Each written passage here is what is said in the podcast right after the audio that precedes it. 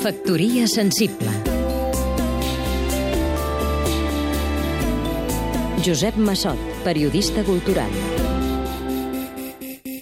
Scorsese és un gran contador d'històries que ha retratat la màfia italiana amb tant d'encert que fins i tot els mafiosos reals miren les seves pel·lícules per sembrar-se als seus personatges.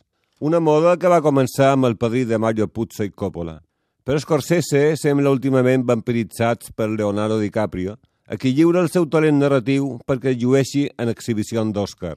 El Lobo de Wall Street narra de forma magistral les peripècies d'una banda de depredadors que saquegen sense escrúpols a petits inversors que somien en fer-se rics. La banda es va semblant cada vegada més a una tribu de primats que només busquen sadollar els seus apetits de sexe, diversió i diners.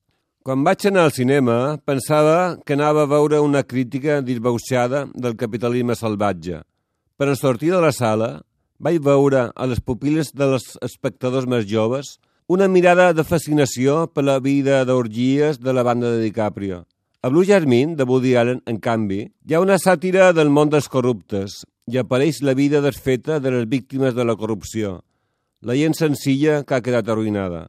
El sentit moral comença per ser conscient del mal que infligim als altres.